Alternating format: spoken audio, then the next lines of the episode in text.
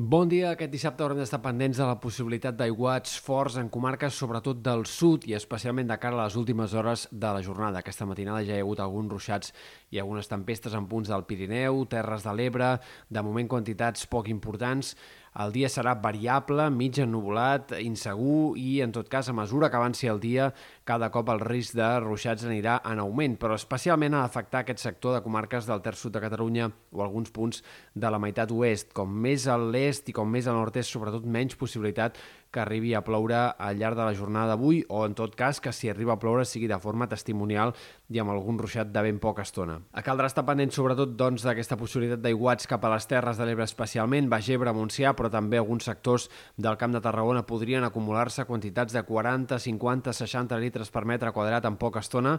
i són possibles acumulacions de més de 100 litres per metre quadrat al llarg de doncs, més de 12, 18, 24 hores. Per tant, atents a aquests aiguats que poden caure al llarg de la tarda i nit d'aquest dissabte a diumenge en comarques del sud, també en punts del País Valencià. És probable que hi hagi acumulacions d'aigua importants durant les pròximes hores, encara durant la matinada i matí de diumenge també en aquest cas, i no són descartables també algunes tempestes fortes cap a les Pitiuses, Mallorca, però de forma més aïllada. Diumenge, a mesura que avanci el dia, el temps anirà millorant, s'obriran cada cop més clarianes i els ruixats aniran desapareixent de les Terres de l'Ebre i quedant més concentrats, com dèiem, al País Valencià. L'inici de la setmana que ve molt més tranquil, en predomini del sol, a l'espera, en tot cas, que puguin tornar a aparèixer alguns ruixats cap al final de la setmana. A partir de dijous, divendres, cap de setmana,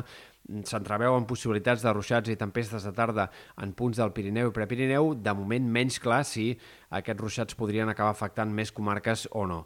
Un altre factor a tenir en compte d'aquests pròxims dies serà el vent, especialment aquest diumenge en què el vent d'entre llevant i gregal bufarà amb cops que poden arribar a superar els 50-60 km per hora en diferents punts de la costa. En punts elevats les ratxes poden ser fins i tot més fortes i això provocarà una situació de molt mala mar, de onades que poden superar els 3-4 metres a les Terres de l'Ebre, en punts del Camp de Tarragona i especialment també en molts sectors del País Valencià i de les Pitiuses i en general de les Balears, de fet.